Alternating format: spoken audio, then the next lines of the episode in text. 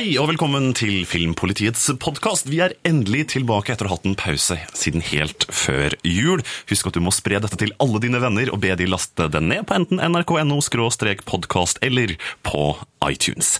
Du skal nå først få høre hele dagens sending med alle innslag, anmeldelser og intervjuer fra Tromsø internasjonale filmfestival. Festival, heter det kanskje. Etterpå samles Torfinn Borchhus, Marte Hedenstad og jeg, Rune Håkonsen, for å prate litt løst og fast om uka som har gått i det popkulturelles tegn. God fredags formiddag! I dagens sending skal du få høre mer om Leonardo DiCaprio i rollen som den legendariske FBI-sjefen J. Edgar Hoover. Du skal også få høre mer om en real klaustrofobisk heisopplevelse i filmen Elevator, og vi har også sett på den siste Varg Veum-filmen. Filmpolitigeneral Birger Vestmo har møtt den norske regissøren Stig Svendsen, som står bak spenningsfilmen Elevator. Men du, Birger, du er ikke akkurat i et radiostudio akkurat nå. Nei, jeg er ute på gata i Tromsø. Her er det Tromsø internasjonale filmfestival som går av stabelen. Det starta på tirsdag og varer fram til søndag og vel så det. Så her boltrer vi oss i god film fra alle verdenshjørner. Veldig mye sært og smalt, men eh, det er deilig å gå på oppdagelsesferd i kinosalene her i Tromsø også i 2012. I løpet av dagens sending så skal du fortsette å rapportere fra gata i Tromsø. Vi skal også få høre masse digg P3-musikk, og veldig snart så skal du også få ukas første anmeldelse, nemlig av J. Edgar. Filmen med Leonardo DiCaprio, laget av Clint Eastwood. I tillegg altså masse digg P3-musikk. Her får du en liten smakebit på det du har i vente den neste timen. Frank Ocean med Novocaine her i Filmpolitiet på NRK P3. Klokka kryper mot kvart over ti. God fredags formiddag, og nå skal du få servert dagens første anmeldelse. For selv i en alder av 81 så er Clint Eastwood fortsatt aktiv. Han ble først kjent som skuespiller allerede i 1959. Nå så er han aktuell med filmen J. Edgar, ikke som skuespiller, men i regissørstolen. Her er Birger Vestmo sin anmeldelse. Evil flourishes. J. Edgar Hoover blir spilt av en Leonardo DiCaprio i storform. Historien om hvordan denne her plagede mannen med mangelfullt utvikla sosiale antenner bygd opp FBI fra grunnen av, er interessant. Men den er òg en tanke grå og kjedelig. Clint Eastwood har regissert sedvanlig trygt og traust. Han tar ingen sjanser og safer filmen i land. Det gnistrer ikke akkurat av resultatet, sjøl om håndverket er rimelig godt. Tolson. Filmen hopper frem og tilbake i tid, noe som av og til kan bli en smule forvirrende, men jeg syntes det gikk greit å holde følge med den narrative tråden. Tre hovedepoker skildres. Vi ser hvordan byrået blir starta, hvordan det får sitt store gjennombrudd med etterforskninga etter kidnappinga av pilothelten Charles Lindbergs baby i 1932, og hvordan Hoover mot slutten av sitt liv forsøker å nedtegne sin versjon av hans egen historie. It's time this generation learned the difference between villain and hero. Hoover blir ikke spesielt flatterende skildra i filmen. Han beskrives som en nervebunt, kua av sin mor, med undertrykt seksualitet, og stadig redd for all reelle og mindre reelle farer i verden. Hoover hadde imidlertid evnen til å overføre sin egen frykt på andre, ifølge filmen, noe som kom godt med hver gang byrået trengte midler til å utvide drifta. Is that legal? Sometimes you need Filmen hevder videre at FBI i realiteten ble drevet av et homofilt par. Hoover knytta seg nemlig sterkt til Clyde Tolson, spilt av Army Hammer, en fremadstormende mann som egentlig ikke passa profilen til en FBI-agent. Hoover gjorde han likevel til sin nestkommanderende gjennom nesten 50 år, og filmen skildrer det her vennskapet som et forkledd kjærlighetsforhold. Dustin Lance Blacks manus inneholder til og med en skikkelig konfrontasjon mellom dem, som er ren diktning. Resten er basert på rykter. I don't know who I can trust anymore. I see right. Det største problemet med J. Edgar er at historien spenner over 50 år. Både DiCaprio, Hammer og Naomi Watts, som spiller Hoovers trofaste sekretær, sminkes etter all kunstens regler for å fremstå som gamle mennesker. Sminken er forseggjort ned til porene i gammel hud og gråsløret i øyeeplene, men det er likevel fryktelig lett å se at det er falskt. Illusjonen heller ikke. Kanskje hadde det vært bedre å la skuespillere oppi åra ta seg av de rollene? Please leave the transcripts here with me. Feel free and share them with your brother, Mr. Kennedy. Let him know that I have a copy of my own. Clint Eastwood har kanskje forsøkt å gape over for mye denne gangen. Det krever mye å skildre et helt liv på to timer og 17 minutter. Han gjør slett ingen dårlig jobb. Filmen lar oss forstå mye av hva som forma J. Edgar Hoover, og hva som drev hans innbitte kamp mot fiender, både virkelige og innbilte. Og Leonardo DiCaprio og Army Hammer spiller godt både som unge og gamle, tross sminken. Men filmen er for tafatt når den skal skildre spenningsforholdet mellom Hoover, Tolson, FBI og de til enhver tid rådende presidenter. Mon tro hva Oliver Stone kunne ha utretta med det her materialet? Even great men can be. Terningkast fire til filmen J. Edgar fra filmanmelder Birger Vestmo. Vi skal straks tilbake til Birger Vestmo, som akkurat nå befinner seg i Tromsø på Tromsø internasjonale filmfestival. Jeg må også minne deg om at du kan gå inn på p3.no filmpolitiet for å lese alle anmeldelsene som vi har her i Filmpolitiet. Der kan du også gå inn og si din mening. Er du uenig med Birger Vestmo sin terningkast fire? Gå inn og legge inn din mening i kommentarfeltet. Her Maroon 5 og Christina Aguilera. Trivelige Ed Sheeran her i Filmpolitiet på NRK P3. Akkurat nå så befinner filmpolitigeneralen Birger Vestmo seg langt mot nord, nærmere bestemt i Tromsø, for akkurat nå er det filmfestival i Nordens Paris. Og Birger, hva er det som foregår på festivalen? Ja, Det er jo først og fremst film, da. Kinosalene er stort sett spekkfulle, og det er på de merkeligste, rare filmene. Så filminteressen den er på topp i Tromsø under eh, TIFF. Eh, Men ved siden av eh, film så foregår det andre ting også. Kinobransjen møtes her. Kinosjefer får se kommende premierer, også uferdige versjoner av kommende norske ting. Det er masterclass i hvordan lage film, det er kortfilmvisninger. Og så er det jo selvfølgelig en god dose med filmfestligheter for de som liker den slags. Og på sånne fester så får man jo da Jeg regner med at du har møtt en god del regissører og filmskapere rundt omkring på festivalen. Vi skal straks eh, få høre hvordan det gikk da du møtte den norske regissøren Stig Svendsen. Han har jo laget spenningsfilmen 'Elevator'. Eh, Hvordan gikk det møtet? Jo, det gikk bra. Det var eh, før han åpenbart hadde fått med seg din anmeldelse av filmen, men han var ganske sober i eh, forventningene sine, tror jeg, til hvordan eh, filmen skulle bli tatt imot. Men han, er- han er stolt av det han har laga. Det er jo gjort for en slikk og ingenting i amerikansk sammenheng, det her. Og på veldig, veldig kort tid. Så eh, vel, eh, det var et godt forsøk i hvert fall. Eh, Nå skal vel vi snart få høre hva du syntes om Elevator. Men Stig Svendsen er en talentfull fyr, så jeg tror at Elevator blir verken det første eller siste vi hører fra den kanten. Vi skal høre mer fra deg i Tromsø, Birger, litt seinere i sendinga. Straks så blir det altså et møte med den norske regissøren Stig Svendsen. Det skjer rett etter Fugees. Dette er Ready or Not. Fugees på NRK P3. Låta heter Ready or Not.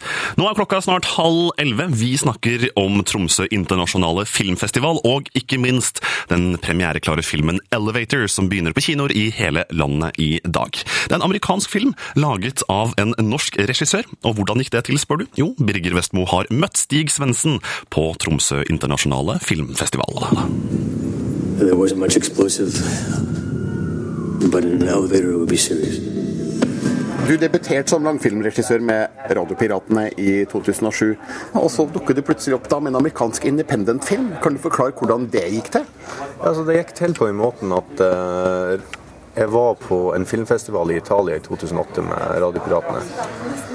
Og på den samme festivalen der var eh, Mark Rosenberg som produsent og manusforfatter med en film som heter December Boys. Så jeg var med Daniel Radcliffe i hovedrollen. da. Og på den festivalen så prøvde da Mark å da få til en slags at man skulle bli kjent med hverandre. Så han liksom inviterte filmskaperne til å komme opp i baren og ta en drink. da. Og jeg var vel egentlig bare den, stort sett den eneste som møtte opp der. da. Men da fant man tonen, og så begynte vi å snakke om å lage en, eh, en film i lag. da. Så eh, det er på en måte der det starta. da. There's too many people here. What if we get stuck? She just pressed the stop button. It was an accident, Grandpa. She did it on purpose. You're lying. I saw you. Liar. Evil little bitch.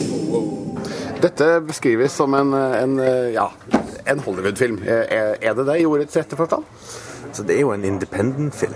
ikke sant? Det er jo, det er liksom eh, Det er jo ikke en eh, film som er lagd inn i studiosystemet i USA. Det er jo en film som er lagd eh, eh, altså, Du har jo en veldig stor sånn independent-scene i USA, da, så den er jo lagd for veldig lite penger på veldig kort tid.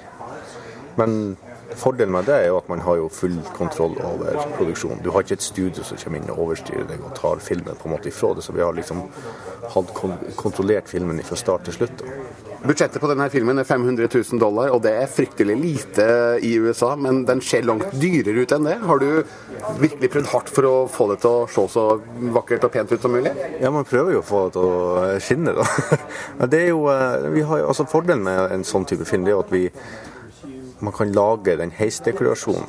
kan man jo legge, liksom legge detalj. Men så hadde vi en veldig bra produksjonsdesigner på det. så lagde, Han bygde jo heisen på eh, Paramount-lotten. da, på Bak eh, settet til United States of Tara. Så han var ansvarlig for så han bygde, Jeg har jo mistenkt for at han brukte litt eh, av Paramount sine ressurser på å bygge heisettet. Men eh, eh, Nei, det er jo ikke sant. det er liksom, Man prøver jo å få det til å Man prøver jo å lage en film så bra som man klarer, da.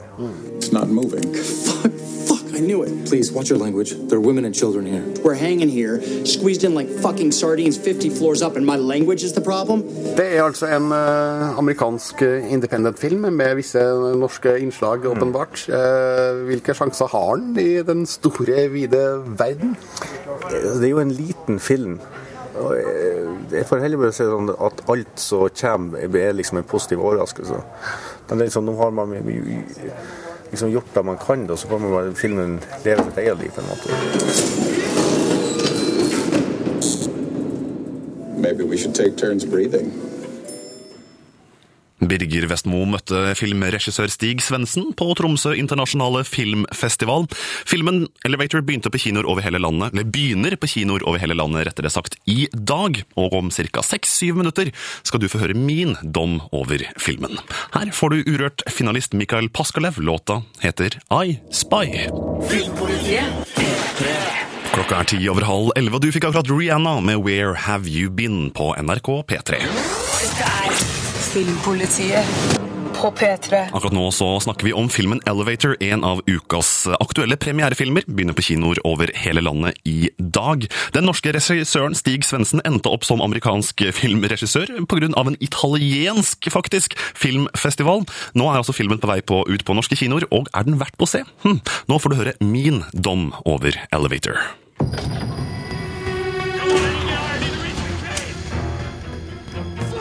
Du har tenkt på det selv. Hva som kan skje om heisen du står i, stanser, og du blir fanga. Tenk om du sulter i hjel? Tenk om ingen finner deg? Eller tenk om det bryter ut konflikt mellom deg og dine medpassasjerer? Inne i en heis kan alt skje, og den norske regissøren Stig Svendsen viser i sin amerikanske filmdebut Elevator hvor galt det kan gå. Ni mennesker fra alle lag i samfunnet er på vei til en jobbfest. Både investeringsselskapets styrterike sjef, en sikkerhetsvakt, meglere og ei som har fått lide for de kapitalgriske investorenes avgjørelser. Heisen de står i, stanser, og det viser seg at en av de ni har mer enn en høne å plukke med folkene som har ødelagt livet til den det gjelder. En bombe som ikke kan stanses, gjør minuttene inne i heisen intense og verdifulle. Second and end my baby's life. So I don't think what I don't know what you think is so funny. We're not your audience. I filmer hvor handlingen utspiller seg på en så begrenset plass, så må filmen være troverdig og skuespillerne overbevisende. Altså, hvorfor er de her, og hva skjer mellom de? Elevator spiller på de økonomiske nedgangstidene som preger USA, og spenningen mellom de superrike og de som havner utenfor systemet. Life isn't fair. No, it isn't. Life is shit. Dessverre er menneskene i heisen pinlige stereotypier av vanlige folk, og troverdigheten jeg har til dem faller etter en liten stund i grus. Den arabiske sikkerhetsvakten blir stadig anklaget for å være terrorist, mest av den jødiske komikeren som selv bruker mye av tida på å syte. Den unge jenta i heisen er rikmannsdatter og selvfølgelig en bortskjemt drittunge. Dynamikken og samspillet figurene imellom blir til tider stivt, og filmen bruker lang tid på å dra meg inn i dramatikken i den trange heisen. We're hanging here, squeezed in like sardines 50 floors up, and my language is the problem? I bet language wasn't the problem when you were blowing people up. Spenningsfilm er ei heller et helt dekkende begrep for elevator. For mens de tre første kvarterene brukes til å bygge opp spenningen inne i heisen, endrer filmen retning mot slutten og setter i gang med en god dose splatter. De ekstreme hendelsene bryter med filmen, og slik jeg hadde oppfattet filmfigurene. En real retningsendring, med andre ord. En rekke logiske brudd i filmen gjør også at den plutselige retningsendringen mest av alt virker som et forsøk på å dekke over svakhetene i manuset. Elevator er produsert av en rekke norske filmfolk, i tillegg til Stig Svendsen i regissørstolen og Tor Arne Øvrebø som produsent, flommer rulleteksten over av norske navn. Det betyr ikke at filmen føles norsk på noe som helst vis. Elevator er en amerikansk sjangerfilm. Selv om den forsøker å følge spenningsoppskriften, ikke ulik den vi ser i andre trange filmer som Buried, Frozen eller Panic Room, klarer ikke Svendsen å utnytte samspillet inni heisen til å skape en vedvarende spenningsfaktor i Elevator. Like fullt, jeg håper jeg aldri blir stående fast i en heis noensinne. How?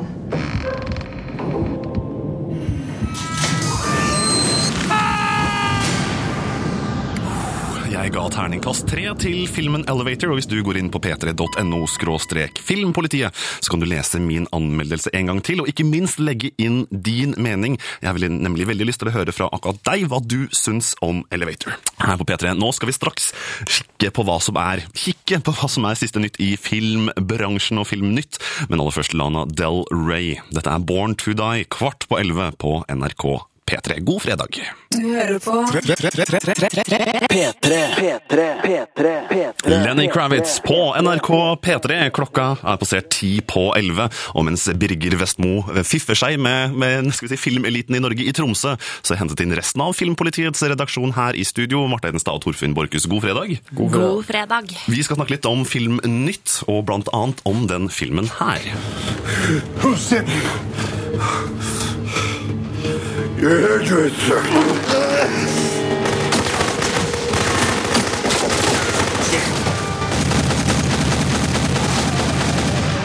Remember this shit at Christmas? Damn, that thing's loud. What happened to you? Got my ass kicked. Pow, pow, pow, I got my ass kicked. Det her var altså lyd fra Expend The Expendables, den Yes. første filmen. Toeren er på vei, Marte, men vi har kommet noe nytt denne uka her som vi ikke er så veldig glad i når det gjelder Expendables 2. og jeg er litt sånn der usikker. Jeg trodde at Chuck Norris var en skikkelig badass, men nå begynner jeg å lure på om han har begynt å bli litt gammel. Fordi nå har det kommet frem at på grunn av Chuck Norris så får The Expendables 2 PG-13. Eh, altså at eh, Du får tenåringsaldersgrense. tenåringsaldersgrense istedenfor 17 år med på en måte frarådet at eh, foreldre tar med sine 17-åringer og ungdommer. Hva, hva var grunnen til at Chuck Norris måtte være skyld i dette? Er det, er det, er det noe han har gjort, eller Det noe han er, mener? eh, det er faktisk, altså I et intervju han gjorde med et polsk magasin, så har han uttalt eh, at han ikke ønsket at det skulle være så mye banning i filmen, og at han derfor fikk dette bort fra manuset for at filmen skulle få PG-13, sånn at ungdom også kunne se den. Jeg synes Det høres litt rart ut at Chuck Norris er skyld i dette alene. For Ja, men Vet Ja. du ikke at han er sånn kristenkonservativ tosk borte? ja, han, er, han, er, han er faktisk er en veldig kristenkonservativ Ja. kis. Ja. Ja, Ja, han er helt eh, Han, han, han øyelegger alt, han nå. Han øyelegger alt han er borti. Ja, for Han Eh, har sagt til produsenten at han ikke ville være en del av filmen hvis ikke dette språket ble fjernet. Men det jeg syns er litt rart, da, er at The Expendables den eh, hadde jo rated R, sånn at det er bare 17-åringer og eldre ja. som får Mhm. lov å se.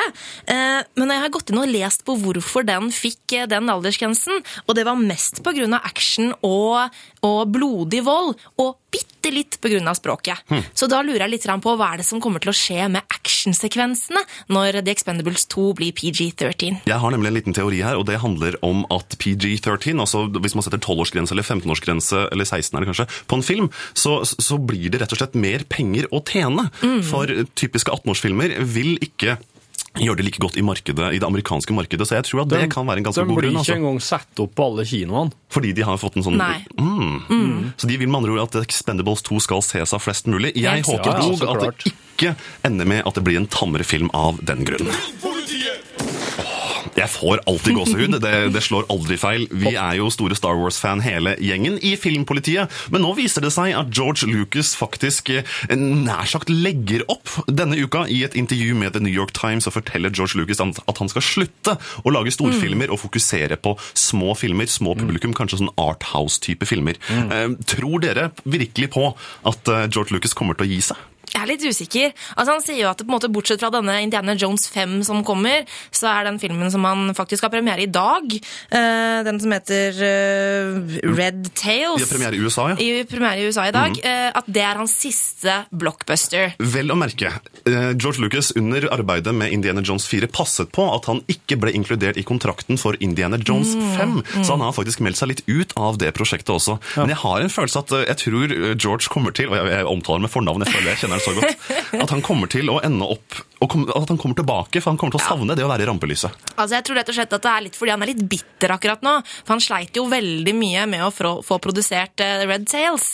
Eh, så han har liksom, den har han lagt alle pengene sine i sjøl. Det er han som har stått for alt, og han har slitt veldig mye for å få denne filmen på kino. Så mulig han rett og slett er litt, litt bitter og sur om dagen, og det er kanskje derfor han sier det han kan, gjør. alle kan jo slønge ut seg noe når, i, i, hvis de blir spurt på rette tidspunktet, men altså, hvis George Lucas logoen en eh, lågbudgetts eh, nokså smal film, så vil den jo uansett få enorm oppmerksomhet. Ja. bare, bare i kraft av å være seg selv? Ja, bare for at eh, han har gjort det, han har vært med på det. Så da kan det være så lite budsjett og så ukjente skådiser som mulig, men det er George Lucas-film. Her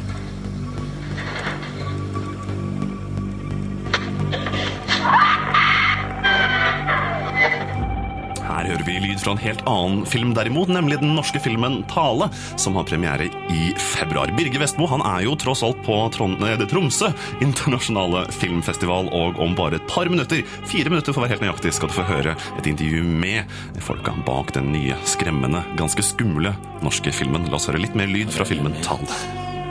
Vi er enige når jeg sier at hun ikke er helt som oss. Vi skal altså tilbake til Tromsø internasjonale filmfestival om bare tre og et halvt minutt. Tre og et halvt, tre og et halvt til fire minutter etter Filco Fiction her i Filmpolitiet Horizon.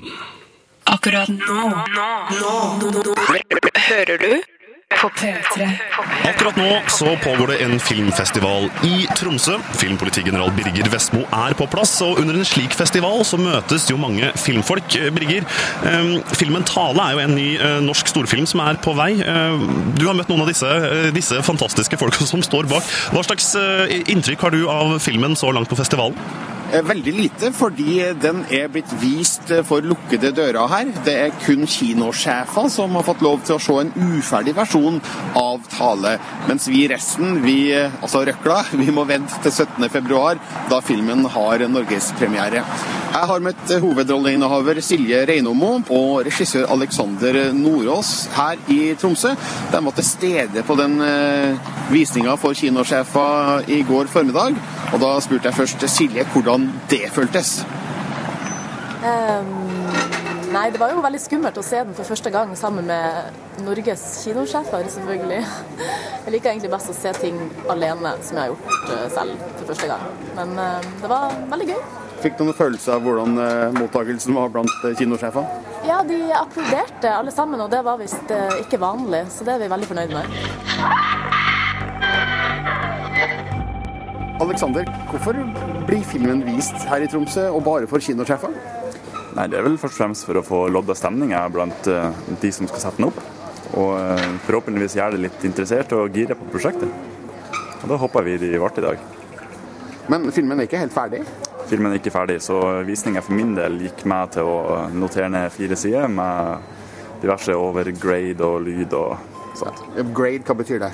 Det betyr fargekorrigering. Bildejustering. Men det er jo veldig nært innpå premieren nå. 17.2 skal den ut. Altså, Hvordan blir de neste ukene for deg nå? Jeg har vel hørt rykter om at de neste ukene blir ganske travelt i forhold til både ferdigstilling og promotering. Men det er, vi gleder oss veldig til det. Det er det her vi har jobba opp mot såpass lenge nå. Nå regner jeg med at vi er enige når jeg sier at hun ikke er helt sånn som oss. Alexander, kan du forklare hva slags film er Tale, egentlig? Vi har definert Tale som en eh, fantasy-thriller.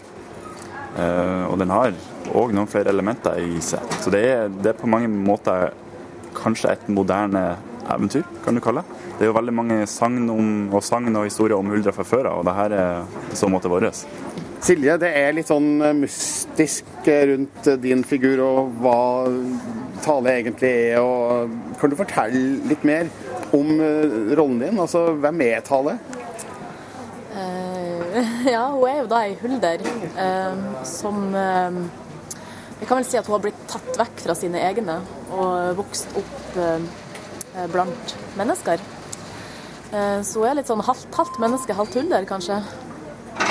Hvordan researcher man en sånn rolle? Så går du med hale rundt i hybelen din? Ja, jeg har gått med hale i tre år, så nettopp tatt den vekk da, til premieren. Men eh, hvilke utfordringer ga den rollen det, som skuespiller? Nei, eh, altså Det er jo eh, gans en ganske krevende rolle. Det, hun er jo på mange måter traumatisert. Eh, og så er det òg en helt taleløs rolle. Det er jo ikke en eneste replikk å bygge rollen på. Så jeg har jo jobba veldig mye med kroppen og det fysiske uttrykket. Eh, Silje, det å spille Hulder, eh, er det skikkelig gjennomtenkt det her? Eh, Du vet Gunhild Sundli Gåte, hun har jo levd med Hulder-stempelet nå i ti år. Om det er gjennomtenkt? Ja, Kommer du også til å være Huldra nå det neste ti året? Eh, ja, det er jo kanskje fare for det, da. Men ja, jeg håper jo at jeg gjør en god, en god rolle. Så det, jeg tror ikke det blir feil å bli assosiert med Huldra-tale. Birger Vestmo møtte Silje Reinåmo og Alexander Nordås, som er noen av folkene bak filmen Tale, premiere 17. februar. Vi skal tilbake til Birger Vestmo på Tromsø internasjonale filmfestival litt seinere i sendinga. Klokka nærmer seg syv over elleve, og fram til klokka blir tolv skal du få høre en eh, anmeldelse av den aktuelle kinofilmen Varg-VM De døde har det godt. Vi skal også snakke om den svenske kontroversielle filmen Play, og du skal også få møte Mikael Nyquist, som spiller en rolle i den ganske så etterlengta filmen Mission Impossible 4. Akkurat her nå på P3 derimot er det David Guetta sammen med Usher. Og du får låta Without You. Jeg håper du har en fin fredags formiddag. Lido Lido sammen med Josef. Klokka er snart kvart over elleve, og du hører på NRK P3. Det er Filmpolitiet som er på lufta akkurat nå, noe som betyr at vi anmelder aktuelle kinofilmer. I dag så begynner nemlig den ellevte Varg VM-filmen på kino. Den heter De døde har, har det godt, og nå får du høre om Birger Vestmo syns at du bør gå på kino og se akkurat den filmen. Hva tror du er inni den der? Kan være tunfisk. Eller så kan det være småjenter på jakt etter et bedre liv. Varg Veum er tilbake i Bergen med Bryggen, buekorps og byens maktelite i fokus. Regissør og komanusforfatter Erik Rikter Strand har tatt byen godt i bruk som kulisse, og gjort De døde har det godt til en av de mest bergenske av Varg Veum-filmene. Men historien føles for svak. Den river meg ikke med, og den inneholder litt for mye svakt skuespill i de mindre rollene. Fallet ville ikke drept jenta, så noen ville at hun skulle bli funnet på det stedet. En ung asyljente blir funnet drukna i Vågen midt i Bergen sentrum, men Veum føler noe er galt med obduksjonsrapporten. Han var nemlig til stede da jenta falt i vannet og forsvant et helt annet sted.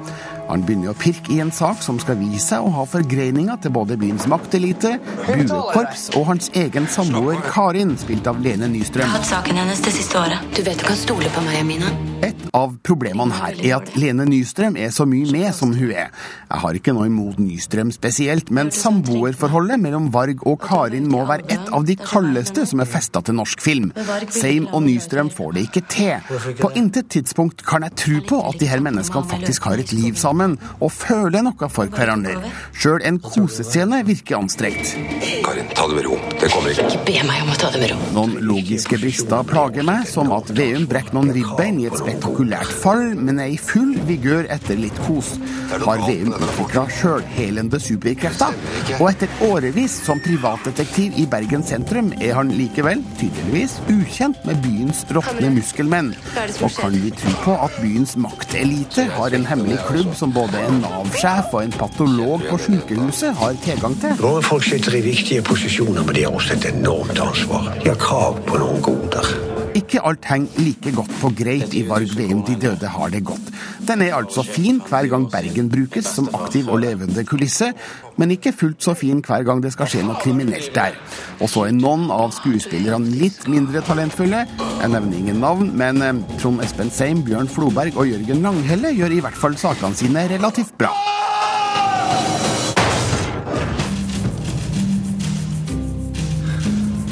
Varg Veum. De døde har det godt begynner på kinoer i hele landet i dag. Birger Vestmo ga terningkast tre til filmen. Og Hvis du går inn på p3.no filmpolitiet, så kan du lese Birger anmeldelse og ikke minst si din mening. Og denne uka så er endelig Filmpolitiets videoanmeldelser tilbake. Så hvis du har lyst til å se filmene vi har anmeldt i dagens sending, så går du inn på p3.no filmpolitiet. Og vet du hva, det er veldig gøy å gå inn og sjekke videoanmeldelsene, altså. Anbefaler det. Vi skal straks tilbake til Birger Vestmo i Tromsø, men nå er det Kaizers Orchestra her på P3. Drøm videre, Violetta. Drøm videre, Violetta heter låta til Kaizers Orchestra. Du hører på Filmpolitiet. Jeg heter Rune Haakonsen, og i Tromsø på filmfestival befinner sjefen sjøl seg, Birger Vestmo. En av filmene som har fått mye oppmerksomhet eh, i svenske medier, spesielt etter den hadde kinopremiere, er filmen Play. Eh, Hvorfor har den skapt så mye oppstyr, Birger? Den eh, tar for seg et kontroversielt eh, tema, nemlig eh, ungdom av, eh, med innvandrerbakgrunn som da raner etnisk svenske barn. Og eh, det er en veldig virkelighetstro, nærmest dokumentarisk eh, film som er ytterst overbevisende, men alt er altså skuespill. Men likevel, dette er jo en situasjon som er kjent i Sverige, og den er også dessverre kjent i Norge. og dette har trigga en stor debatt i, i Sverige. Mange ser på filmen som et innlegg i eh, innvandringsdebatten, og bruker den for alt det det er verdt mot innvandring. Mens Ruben Østlund sjøl har et eh, litt annet syn på det. Det fortalte han i hvert fall til meg da jeg møtte han i Cannes i mai i fjor, der filmen ble vist for første gang. Eh, Nå er det altså da straks klart for eh, norgespremiere på Play, og derfor har Ruben Østlund her i Tromsø på TIFF for å promotere filmen. Og straks eh, skal vi få høre et eh, intervju som jeg har gjort med han her. Et lite spørsmål helt til slutt her. Jeg, har, tror du filmen kommer til å skape like mye oppstyr og debatt i Norge også, etter de erfaringene du har med, med filmen etter du har møtt regissøren? Det kommer helt an på hvor mange som faktisk går og ser filmen. Jeg antar at eh, det kanskje ikke blir like sterkt som eh, det ble i Sverige, siden dette da er en, en svensk film. Og selv om Sverige ikke er like langt unna, så eh, føles det vel kanskje ikke like nært for oss nordmenn å se en eh, slik film, som det kanskje gjør for en del eh, svensker.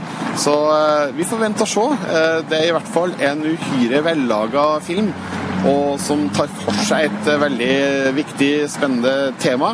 Og eh, jeg anbefaler jo alle å se Play, men om den store diskusjonen dukker opp i Norge, det, det har jeg kanskje ikke helt trua på.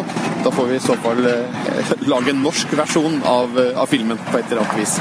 Om bare et par minutter så får du høre Birger Vestmo sitt intervju med den svenske filmskaperen Ruben Østlund. Birger, du er jo på gata i Tromsø, og vi skal innom deg en siste gang før vi gir oss i dag her i Filmpolitiet. Men akkurat nå så er det Chase and Status sammen med Subfocus og Takura, Flashing Lights på P3. Chase and Status sammen med Subfocus og Takura Flashing Lights her i Filmpolitiet på NRK P3. Og nå skal vi over til den svenske filmen Play, for neste fredag har nemlig da Østlund, Ruben Østlunds film premiere, og den har skapt stor, stor debatt i Sverige. Det handler om fem gutter med afrikansk bakgrunn som driver et psykologisk spill mot tre etnisk svenske gutter, der målet er å rane dem, og denne uka så har Ruben Østlund gjestet Tromsø internasjonale filmfestival, der Birger Vestmo spurte ham om debatten rundt filmen Play i Sverige. Jeg kan jag få se på din mobil? Hva? Kan jeg få se på din mobil? Hvorfor da? Jag bare bara kolla en greie. Om. Men låt bara se på du. Om tillbaka den. Ja, det är klart du får tillbaka det. Hör du trög? Ser ut som en tjuv, eller? Hvordan har du opplevd debatten som Play har starta i Sverige? Dels så er vi veldig glade for at det har blitt en så omfattende debatt. Eh, Vi er veldig glade at eh, diskussionen kring filmen tog sig utanför kultursidorna, utanför nöjesidorna och till ledarsidorna och, och in i samhällsdebatten. Det har ju varit ett av målen då. Så, eh, så, så, och sen har det också varit reaktioner som det har varit ganska starka reaktioner eh, som man kanske har liksom eh, varit oförberedd på på ett sätt. Och I början så, så var det lite ansträngande men sen så börjar man hamna i, en, ett synsätt att man man diskuterar debatten i sig och det är debatten en metadebatt nästan och då blev det inte personligt längre tyckte jag. Men, men det, det har varit jätte, jätte, jättepositivt i, i, i, i största, i min största upplevelse tycker jag. Alltså vi var på Stadium och så skulle vi gå till spårvagnen. Alltså de, de ropade dumma saker på spårvagnen och så sprang de efter oss. Hva har blitt eh, diskutert i Sverige? Delvis har det ju varit då den här diskussionen om att, eh, att filmen skulle eh, spä på främlingsfientliga eh, tendenser. Att den skulle... man har gått ganska långt vissa gånger. Man har pratat om den som fascistisk och rasistisk. Eh, och, och mm, jag har ju varit intresserad av att prata om den eller att filmen ska belysa vårt sätt att relatera till varandra. Att hur kommer det sig att vi låter hudfärg eh, representera en viss typ av egenskaper? Eh, hur kommer det sig att vi ser på individ, eh, individer i en annan hudfärg? Hur kommer det sig att vi gör dem till representanter för en grupp människor och så vidare? Och den diskussionen har kommit upp väldigt mycket också.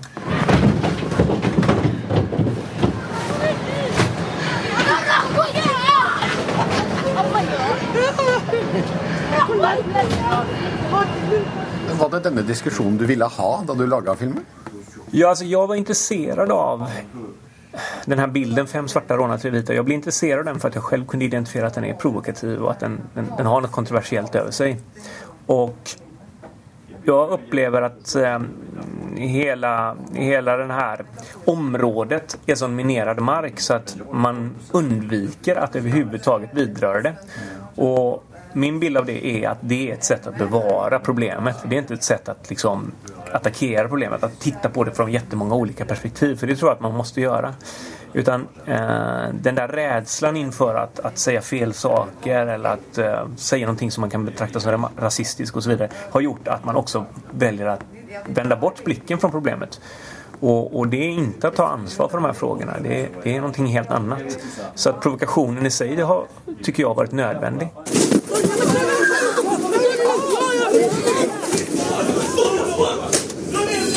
Det var Birger Vestmo, som er på Tromsø internasjonale filmfestival, som snakket med filmskaperen Ruben Østlund. Hans film Play begynner på norske kinoer neste fredag.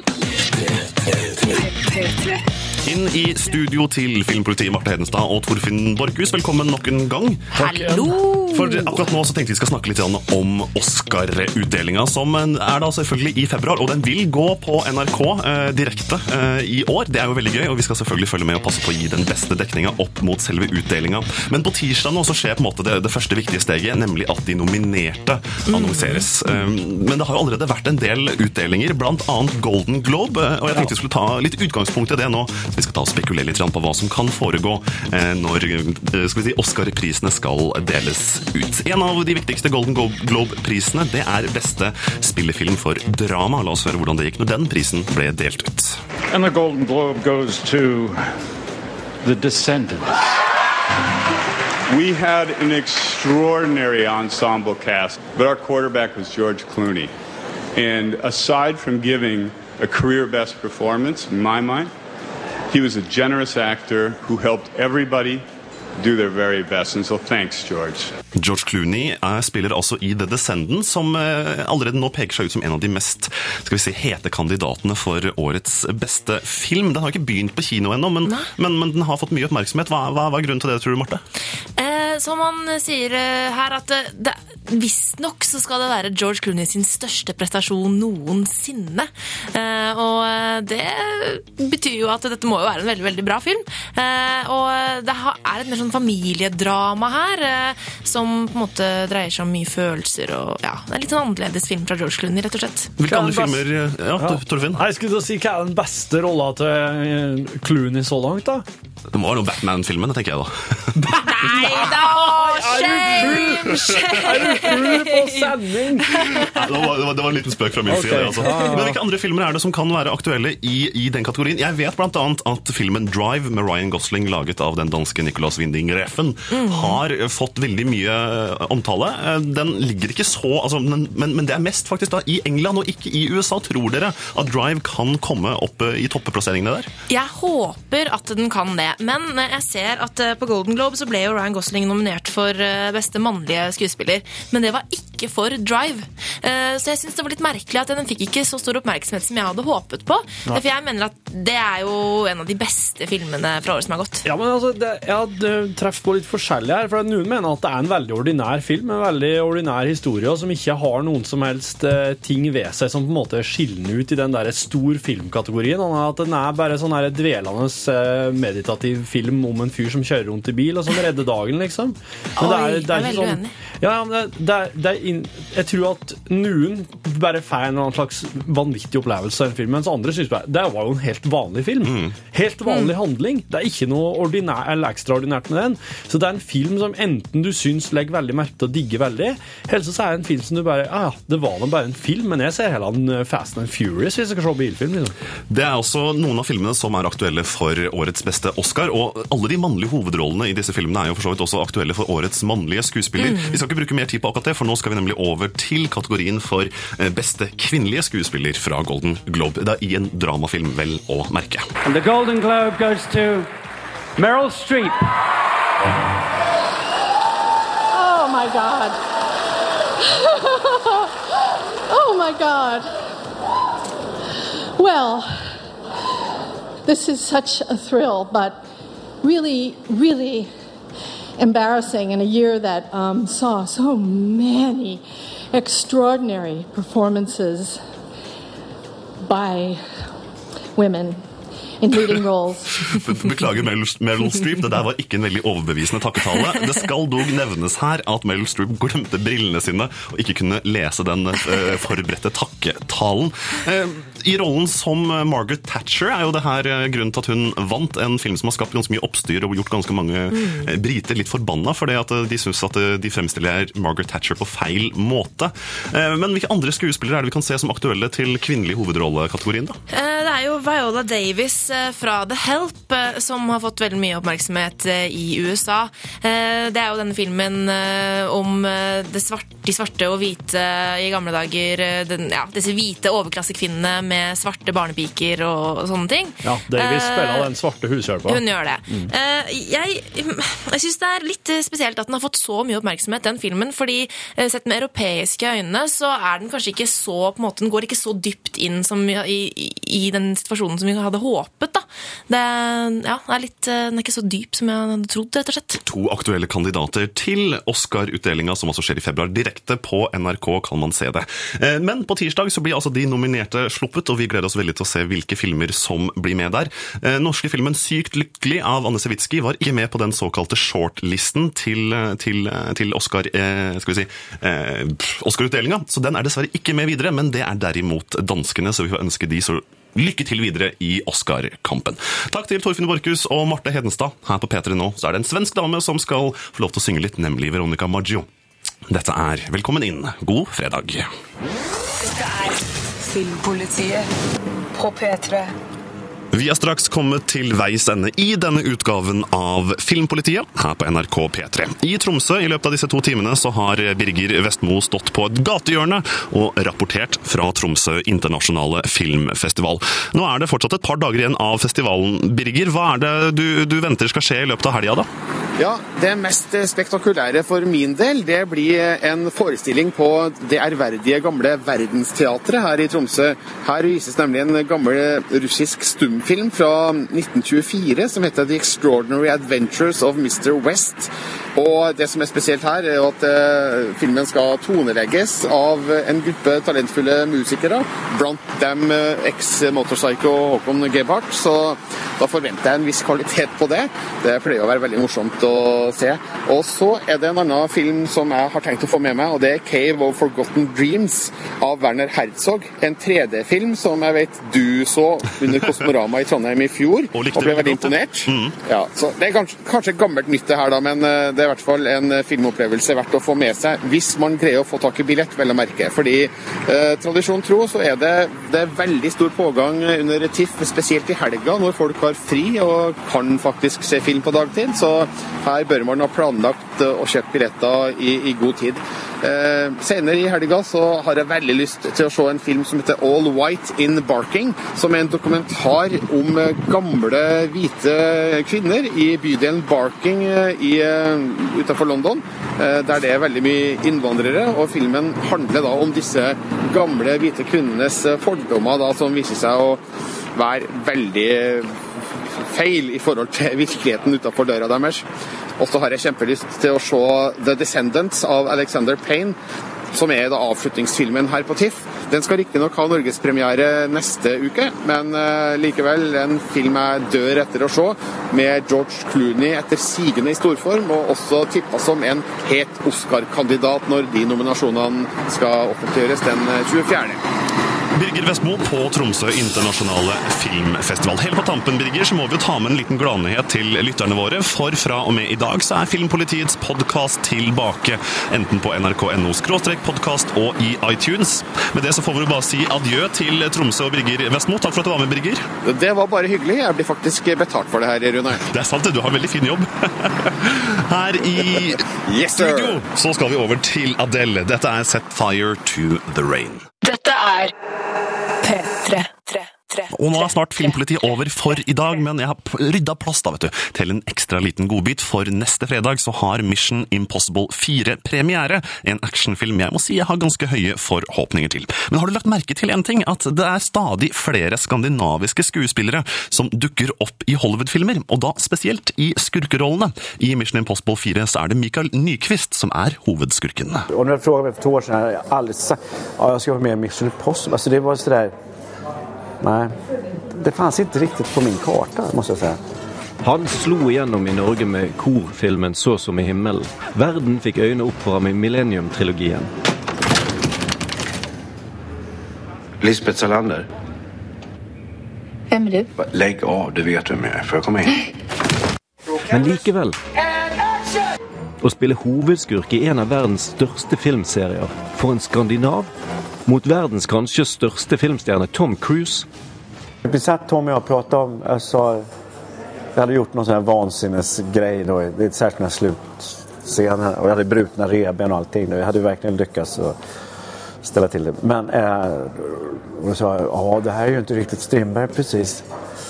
Strindberg är action. Alltså man går på et spesielt sett, karakteren, og slåss på et spesielt sett. Nyquist forteller at i skandinaviske filmer er slåsskamper gjennomført på noen timers innspilling. Ikke slik i Hollywood-action. Vi øvde i sju måneder for den. Jeg gjorde MMA-bokstrening to timer fem dager i veckan. Da er det klart at det er dumt å knekke ribben allerede på den første innspillingsdagen. Første tagningen som inleder hele denne sekvensen hopp, jag inputtad i en bil och där bryter jag två revben och vet att nu ska jag slåss fyra veckor framåt här med brutna revben, vilket jag gjorde. Och då Brad Bird som regisserade, han, han, det enda han sa till mig var “Great Mike, so authentic” och jag bara Mission Impossible Ghost Protocol har altså premiere neste fredag, og det var Dagsrevyens reporter eh, Mikael Olsen Lerøen som hadde møtt eh, da skurken i filmen, nemlig Mikael Nyquist. Dagens Filmpolitiet er nå over, dvs. Si, vi har bare et par minutter igjen. Jeg må si takk for følget i dag, og minner om at du kan gå inn på p3.no filmpolitiet for å se alle anmeldelsene vi har sendt her i dagens sending. Videoanmeldelsene våre er tilbake på nettsidene, så gå inn på p3.no filmpolitiet om du også har lyst til å diskutere og fra og med i dag så er det også mulig igjen å laste ned Filmpolitiets podkast. Det har vært et sårt si, etterlengta tilbud for mange lyttere. Jeg håper at du har en god helg og en god fredag videre, og minner også om at du kan sjekke Urørt-finalen på NRK3 i kveld klokka åtte. Det anbefaler jeg veldig. Gå inn på p3.no for å sjekke ut de fem nominerte som skal konkurrere i kveld. Fram mot en nyhetsoppdatering her på P3 så får du Noel Gallaghers High Flying Birds med låta AKA What's A Life. Ha en riktig så god helg. Ha det godt. Nå, nå, nå, nå, hører du på P3. Du har akkurat hørt alle innslagene fra dagens Filmpolitisending. Akkurat nå så sitter Torfinn Borchhus med en kopp kaffe og koser seg her i studio sammen med Marte Hedenstad. God fredag! God fredag! Det er veldig godt å være tilbake med podkasten, for vi, vi bruker dette bonussporet som en liten sånn, skal vi si, eh, utløpspunkt for alt vi driver og holder på med i løpet av en uke, og det er ganske mye rart. Ja. Så vi har savna å være på denne podkasten. Det er godt å være tilbake, så nå blir det eh, gode podkaster og bonusspor hver fredag framover. Word! Word on the street. Men Torfinn, eh, denne uka her så har det jo vært litt fokus på superhelter i TV-serier for din del. Um, og det har jo faktisk skjedd noe helt eh, nytt der, ifølge, for du skrev en sak eh, om at de som sto bak serien Smallville, jakta på en ny superhelt. Rett og slett for å lage TV-serie om. De skal slutte med Smallville helt, regner jeg med? da? De har slutta med har. Smallville om Supermann, om Hmm. den unge Clark Kent, og, og i, helt på um, på tampen der, eller altså i eh, eh, Smallville, så var det jo eh, blant annet en person som heter Green Arrow, Ja. som var innom.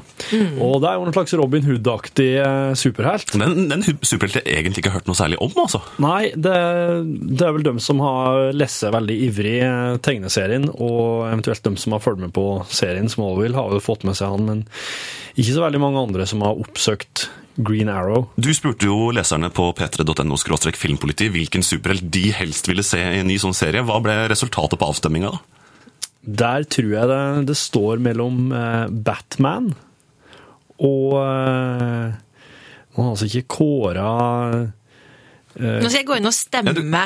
Jeg kan ikke ja, det går an å gå inn og like. Å ja, du mener Jeg i stemme. avstemninga? Jeg ja. ja. Du laga jo en poll, du. Vote. Ja, ok.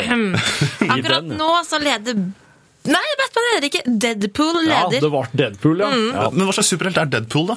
Deadpool er en, eh, en superhelt som uh, hele tida blir skada. Han ser, han ser litt sånn uh, i sånn utseendemessig sånn Spiderman-aktig ut, for han er rød og svart. Uh, sånn, sånn, sto, sånn rød hette, sånn store, svarte øyne ja, med litt et lite hvitt Mm. punkt i midten. Oh, ja. Og eh, han er en sånn sjølbevisst superhelt. Han er bevisst sin egen rolle som helt i en tegneserie. Så han, Det er liksom meta, da. Ja, han, eh, han kjører rett og slett Han prater litt med fortellerboksen, blant annet, Mm, i Det er jo artig. Ja.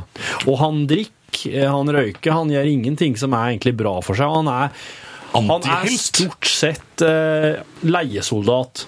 Han er, han er ei hånd for penger, ikke sant? Og, Ja. og så iblant så har han prøvd seg på å litt sånn kjøre helten i sin egen Men Hvilke krefter er det han har, da? Uh, Vet du?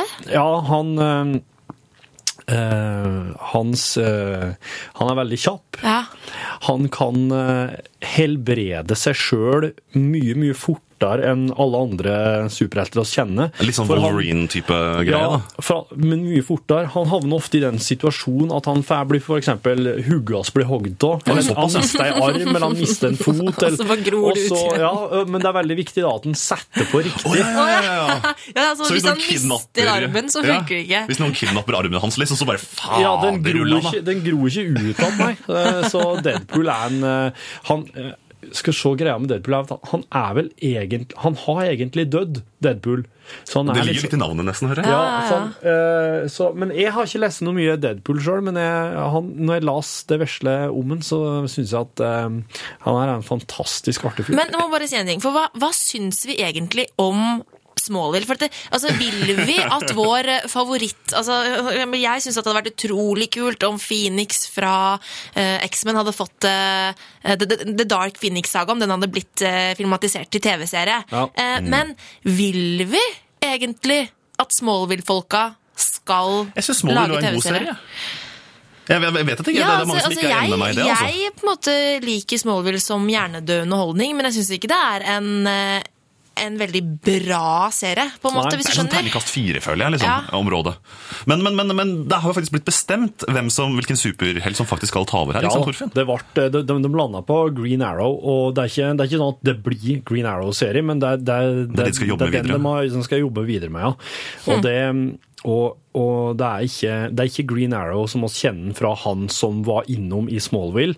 Det er ny okay. De starter opp eh, Green Arrow på ny, da, med en ny, eh, sannsynligvis ny skuespiller.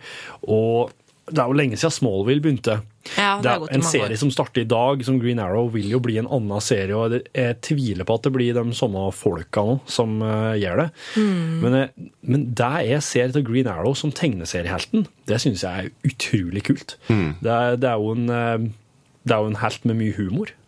Ja, ja, ja, rett og slett. Jeg har faktisk lest eh, et eh, av Green Arrow sine blad, for hvis man laster ned på iPad eh, eh, Da finnes jo alle de store tegneselskapene ute med hver sin app, der man kan gjerne laste ned det første bladet i sånne serier gratis. Det er kult. Og det, det er faktisk en veldig, altså Hvis man har en iPad, så er det en veldig god måte å lese tegneserier på. altså så En liten, en liten ah, ja. sånn innsideanbefaling. der. Men, men apropos nye serier, Torfinn. Du har jo også dykka litt inn i westernverdenen, du. Ja, fordi at uh, Justified har jo gått ferdig nå første sesongen på norsk TV. Og det er med Timothy Olyphant i hovedrollen, ikke sant? Stemmer. Yep. Og snart kommer Hell on Wheels på den uh, nye norske kanalen Vox. Ja, du, bare litt stopp TV der. Jeg syns at Vox, altså Voksenkanalen, eh, som da skal rette seg mot voksne folk, naturlig nok, har en utrolig god lineup av TV-programmer på, på, på vent, altså. Har det. Så at jeg, jeg har en følelse at jeg kommer til å tune inn for å sjekke ting der, altså. Men altså, TV Norge har vært veldig flinke med kanalene sine. Veldig mange var jo skeptiske til Max og Fem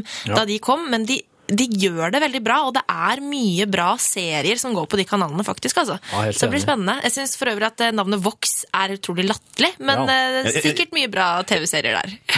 Liten digresjon. For meg så er Vox det er noe jeg, altså VOX det er noe jeg forbinder med rosabloggere. Uten at jeg vet hvorfor. Men samme, samme, samme det. Eh, Hell on Ja, Wheels, fortell litt om det.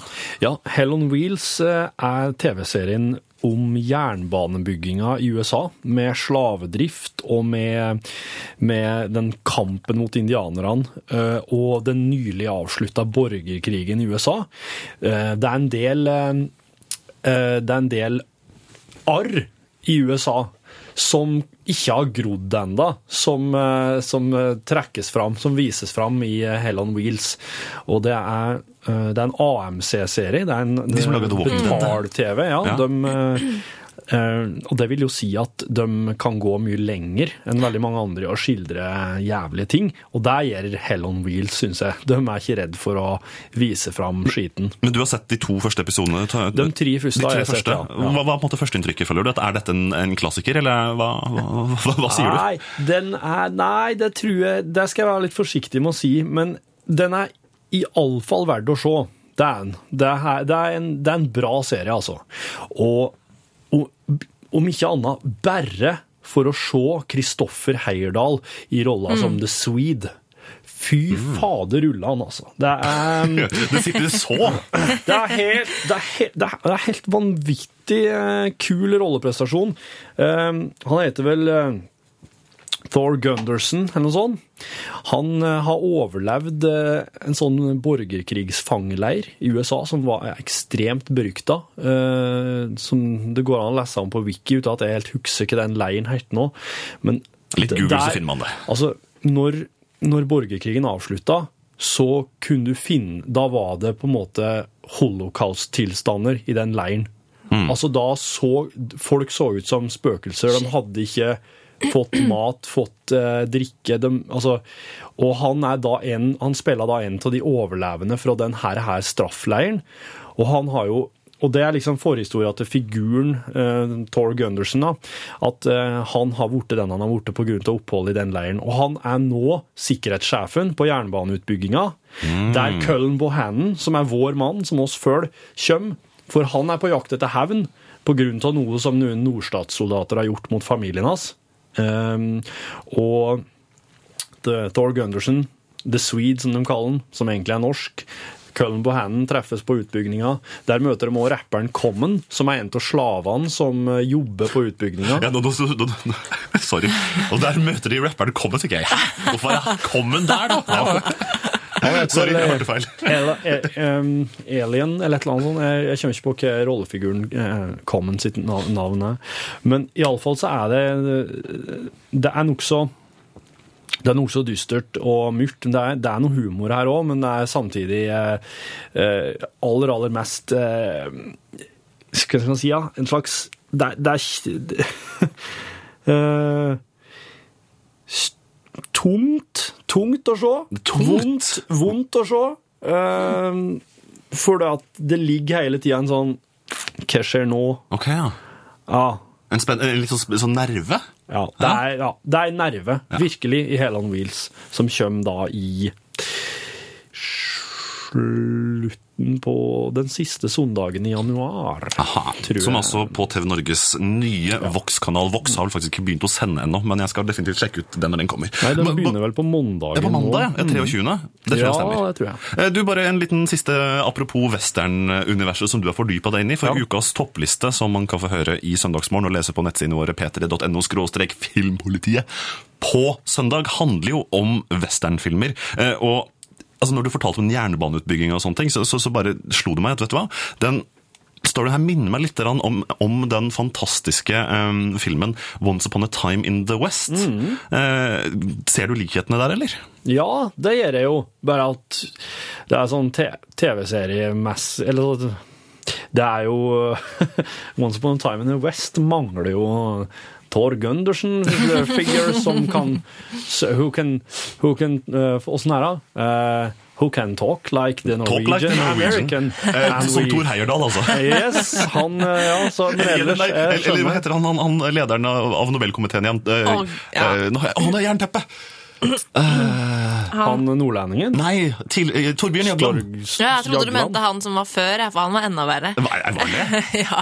Ja, ja, ja. ja. Nei, men uansett, Vi gleder oss til Hell on Wheels, og ikke minst til søndagen når du Torfinn, kommer med en ganske så definitiv toppliste over de beste Det blir western-filmene. topp ti. Topp ti, Og faktisk. gjør Det blir det? ti, det blir ti, ja. Du, det syns jeg er litt urettferdig, for det er flere av disse listene jeg har skrevet i det siste, som jeg på en måte ville at skulle være en topp ti, og så bare filler'n, jeg kan ikke ha med disse filmene, det blir bare en topp fem. Men du sniker deg unna! Nei, men du, Marte, du har like mye rett til å sprenge reglene som meg, så det, det der må du bare gjøre neste gang du kjenner at det er nødvendig. Ja, og på, på westernfronten så syns jeg definitivt at det er nødvendig, for der er det veldig mye spennende. Skal man få med alt av Sergio Leone og av nyere tids filmer. Men, topp ti Disney som du skrev, Mm. eller altså topp fem, det skulle vært en topp var det det skulle Ja, vært. det var det, vet du.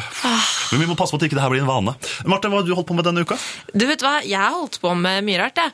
Eh, Blant annet at uh, jeg har gått tilbake til 90-tallets uh, dårlige TV-serier, uh, nemlig Sweet Valley High. Ja. Oi, oi, oi, oi. Fått med at det, at det skal bli en eh, musikal. Så det er jo interessant. Jeg vet ikke om dere kjenner igjen eh, manusforfatteren eh, for, for filmen Juno. Hva er det heter? Ja. Diablo eh, Heter Diablo for heter et Diablo Cody, heter hun. Oi!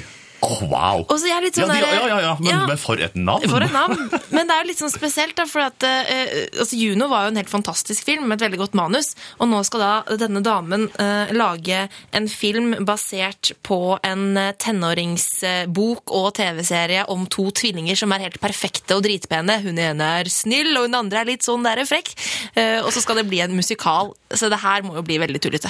Tenker jeg. Du, hva er Sweet Valley High for noe? Ok, ok. Hvis jeg, hvis jeg begynner på å synge den der sangen, introsangen eh, fra 90-tallet, kjenner du den kanskje igjen da? Sånn Sweet Valley, Sweet Valley High det gikk på TV 2 rett etter skoletid, og det handler da om Elisabeth og Jessica. Jessica. ja, mm, to sånn, de har langt, blondt hår, begge to. Er dette her i de tider at eh, TV 2 omtrent starta opp, eller? Nei, nei, nei. Det er sånn på slutten av 90-tallet. Det Er gikk på TV 2 i Norge. Eh, Men så er det, jo, det er jo da en, egentlig en bokserie som er sånn 100 på 150 bøker. eller noe sånt. Det er veldig jo- overfladisk. Jeg må, jo, jeg må jo ha sett dette her, men jeg må innrømme at jeg ikke helt veit hva Du har ikke gått glipp av noe stort, men jeg, men jeg syns det er veldig morsomt eh, at eh, det skal bli en musikal. Men det som egentlig har vært det viktigste for meg denne uka her, det er jo at eh, en viss eh, 50-åring har eh, fylt 50 år, holdt jeg på å si. En viss 50-åring. Hvem er det du sikter til da? Like a glove! Like a glove! Nemlig Jim Carrey. Oh. Oh. og det har jo, jeg, jeg bare la ut en liten sånn der mimresak eh, med masse forskjellige videoer og spurte eh, hvilken, eh, hvilken film som var folk sin favoritt. Og det er jo, altså, det er jo nesten mulig å svare på, kanskje. Ja, det er vanskelig å svare på, men jeg har en teori om at de aller fleste i kommentarfeltet ga uttrykk for at det er liksom de tidlige filmene, Ace Ventura, Masken og sånne ting. Det er det Mm. som er det beste. For, for, for humortalentet til, til, til Jim Carrey har blitt litt sånn skusla bort på de siste filmene, syns jeg. Altså. Ja, men, that, honey? men han er jo, han er jo blitt eh, bedre på, på drama, det må jo sies. For eksempel eh, Ja, men, men er det der vi har lyst til å ha Jim Carrey, da? Nei, altså, nei, har vi lyst til at han skal gå fra å være en humorkonge til en seriøs dramaskuespiller? Nei, I hvert fall det er kanskje ikke det. sånn Poppers pingviner. Da kommer jeg Nei, den personlig eh, til å terningkast én fra deg, var det ikke det, Torfinn? Ja, Det er fordi at jeg ikke kunne gi mindre enn én. Nei, ja, ikke sant. Du skulle helst bare ikke kasta terning, du. Jeg skulle helst bare ti den filmen og bare dumpa han uh, utpå havet. Ja. Og så hadde vi ikke prata med rommen, så kunne vi vist Altså, det var så ille, altså. Men, men altså, en av mine favoritt-Jim Carrey-filmer det er Man on the Moon. det er det, ja. Ja, vet det, Den er så fantastisk bra, den filmen. Og så er det jo litt morsomt at eh, den er jo basert på en eh, virkelig person. Mm. Så eh, den, den, den er bare helt fantastisk. Altså, altså, når, når, når han står Det er en sånn hvor han, han skal ha, gjøre en sketsj hvor han eh, skal være Elvis Presley. Så kommer han opp eh, og snakker sånn veldig dårlig Nei, altså, folk, gå, gå og søk på Man on the Moon Elvis Presley på YouTube, og så bare se det klippet. Eller gå inn i saken som jeg har lagt ut, det, klippet ligger der. Det er helt hysterisk morsomt. Han er, Jim Carrey er en fantastisk komiker. når han spiller han derre verdens mest publikumsfiendtlige showmann. Han derre fyren som bare kommer ut og er sur og står Ja, ja, ja, ja, ja. kjefter. Ja, ja, og så når han er på Live from Apollo, eller hva det er, og han skal eh, fremføre den sangen, og så kan han bare én linje av, eh, av, eh, av sangen, og så står han liksom og skal vente på at grammofonen skal spille den plata, og det er så sykt morsomt! Herregud, det er en fantastisk film. En ting vi ikke har snakka mye om i Filmpolitiet i dag, det er spill, som eh, vi Ja. vanligvis driver veldig mye med, Marte. Eh, Vi, I forrige uke så, så, så la vi ut vår vurdering av den nye konsollen PlayStation Vita. Det gjorde vi. Eh, og, og, og i på en måte, etterkant av det så har det både i kommentarfeltet på nettsidene våre og på andre kommentar- eller debattfora på nett kommet fram en liten sånn diskusjon rundt trenger vi egentlig eh, håndholdte konsoller? For nå har jo alle telefoner altså iPhonen min kan til og med ha, kjøre full 3D-grafikk opp på TV-en min hjemme. Altså, den, det, det er så, så, så, så godt med mobiltelefon i dag. Altså, trenger vi egentlig en dedikert bærbar spillkonsoll? Jeg vil stille litt sånn spørsmål Ja. åpnet ut, og så ville du dratt med deg en ekstra ting hver gang du skal ut i tilfelle du skal spille litt på bussen eller i bilen eller whatever du gjør, Torfinn? Nei, det må være på mobilen min.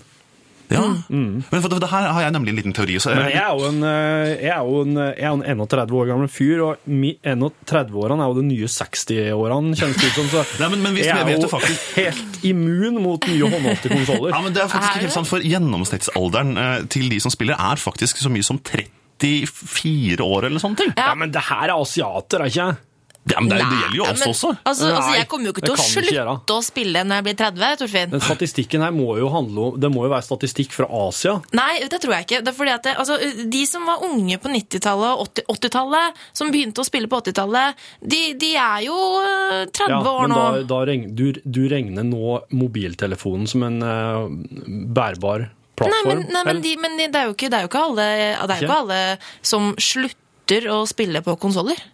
Kjære Torfinn og Marte, eh, vi må rett og slett si adjø til eh, våre kjære podkastlyttere, fordi nå skal det studioet vi sitter i, brukes av noen andre. Ah, så kjipt! Nå er det vi som er her, hallo! Det skal gå direkte direktesendt radio her om bare en liten periode. Så det betyr at eh, vi har fortsatt mye å snakke om. Det betyr at du som hører på, bør laste ned podkasten vår allerede neste uke. For da er vi tilbake med et nytt bonusspor, og det tror jeg blir ganske så fint og artig. Ja, altså, takk for at dere kom. Ha en riktig god helg videre til både deg og Torfinn, og deg, Marte, og til deg som hører på. Ha det godt. Ciao, ciao. Dette er Filmpolitiet på P3.